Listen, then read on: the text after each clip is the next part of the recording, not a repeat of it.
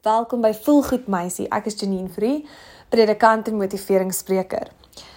Ons is nou besig om te gesels oor families en gesinne. En iets wat baie na vore kom in hierdie verband is konflik.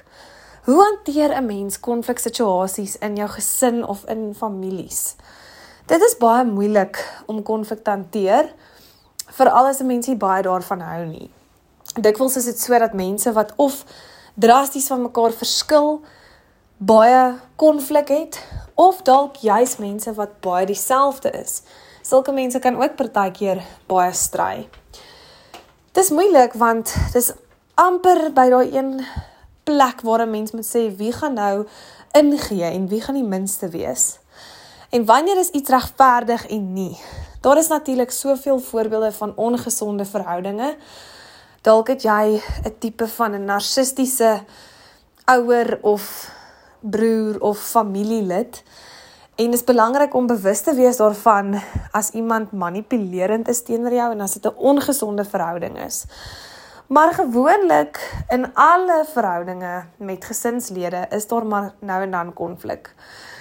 Die belangrikste is om nie 100% emosioneel te reageer nie. Miskien moet jy jouself isoleer van 'n situasie af as jy 'n temperament het wat vinnig emosioneel raak en wat woedend raak of begin huil of skree of wat ook al.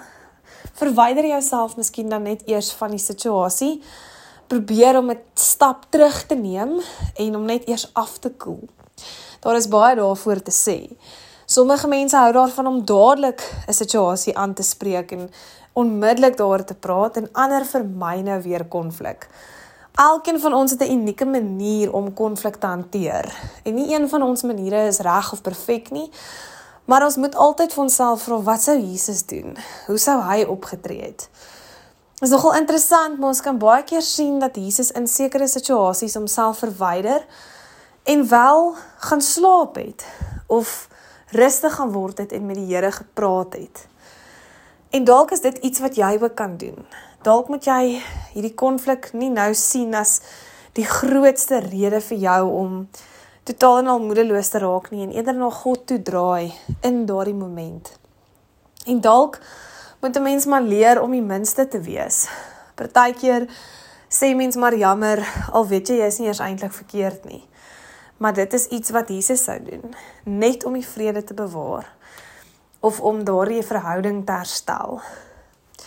Dit is ook belangrik om te weet dat in 'n gesin is daar mense en mense het verskillende tem temperamente. So jy kry die temperament wat rustig is en wat net vrede met almal wil hê. So 'n persoon is eintlik wonderlik want hulle wil nooit eintlik beklei nie. Maar die die nadeel is so 'n persoon wil ook nie altyd oor konflik praat nie of oor iets praat wat pla nie.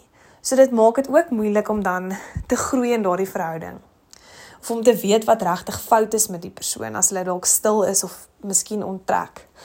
Dan kry jy natuurlik hierdie vurige mense wat verskriklik emosioneel reageer en skree of huil of baie emosioneel aangaan en so 'n persoon het dalk 'n manier om met hulle emosies op 'n baie passievolle wyse om te gaan, maar dit is nie altyd lekker nie, dit is nie altyd gesond nie en dit is baie keer traumaties.